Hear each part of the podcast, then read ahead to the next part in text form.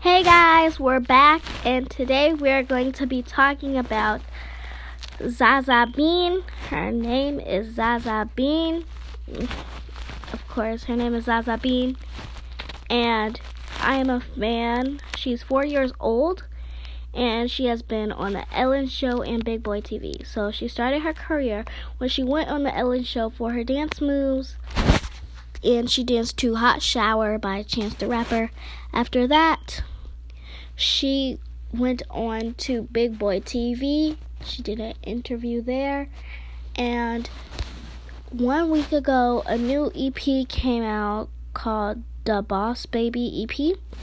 Some songs that I know in there are definitely Girls Run Everything, Money Coming In, Man Stop, One Buck, and Queen Walk. Well, Money Coming In is not in there, but it is one of her first songs, and it's it's an awesome song.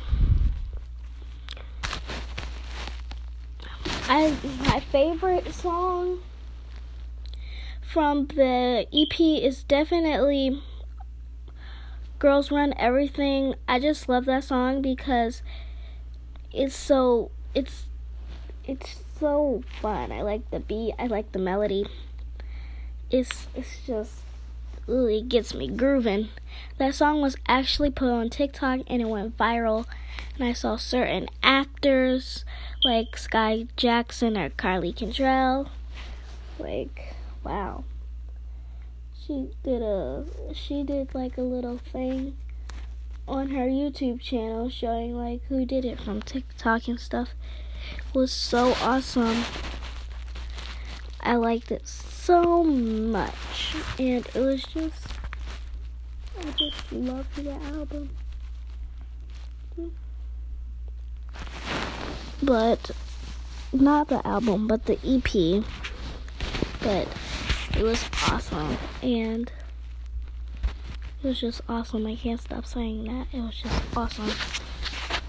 But, other than that, I am a complete Zaza fan. I'm not a die-hard fan or a number one fan, but I'm a fan. I'm a fan. I gotta say that Zaza is is good. She's she's good. but one of my favorite lyrics in there is "We don't do no play play," and girls and everything. It's like we don't do no play play. You just gotta listen to the album the EP. It's awesome. And I will talk to you later. You guys love you so, so, so, so, so much. Mwah.